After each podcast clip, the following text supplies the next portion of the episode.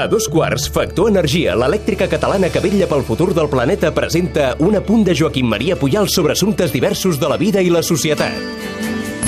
Bon dia, audiència. Avui és dijous 27 de juny. Ahir vam saber que un estudiant de Cervera ha tret un 9,9 de nota de la selectivitat. Si hagués tret un 10, voldria dir que ho sabia tot de tot? A la vida algú pot presumir de saber-ho tot? Parlo d'això amb els antics companys de classe de l'escola amb qui vaig dinar. Bona gent i bon ambient. Inevitablement, acabem parlant de feina. Un dels meus amics, oient d'aquest programa, em retreu que no hagi estat més assertiu en aquestes mirades. Amb sinceritat li contesto que jo dubto molt.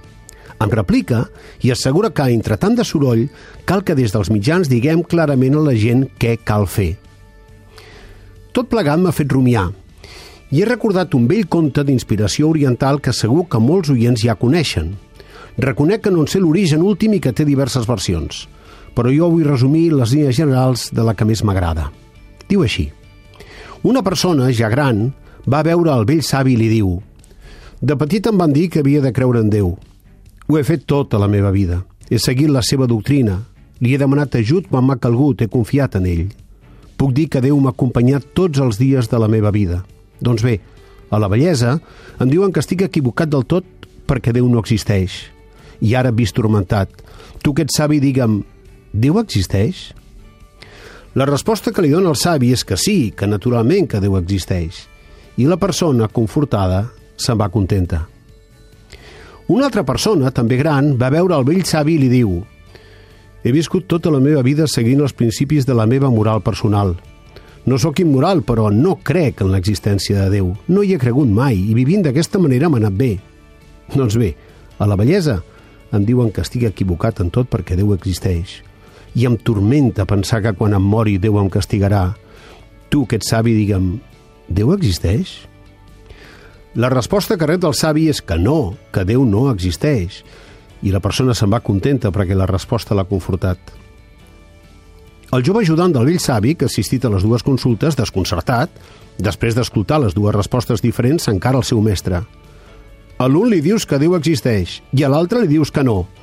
Què he de pensar jo que sóc un home jove i m'estic formant? Déu existeix o no? El vell se'l mira als ulls i li contesta així. Cada persona d'aquestes ha rebut la resposta convenient. Si tu vols contestar-te la pregunta, fes el que et diré. Sigues bo. Mira el món. Observa, escolta, aprèn tot el que puguis, llegeix, viu, raona, sent i estima. Estima escoltant la teva ànima i el teu cos. I amb l'esperit corull d'experiències, reflexiona, medita. Practica bé tot això i trobaràs la resposta convenient en la teva consciència. Ves i fes-ho. Quan vaig llegir per primer cop un text semblant al que acaben d'escoltar, vaig ponderar molt la prudència del savi i vaig pensar, si l'home savi no gosa dictar comportaments, com pot fer-ho algú com jo pel simple fet de tenir un micro? I vaig decidir que també en la nostra feina és més aconsellable despertar un estímul que marcar un camí.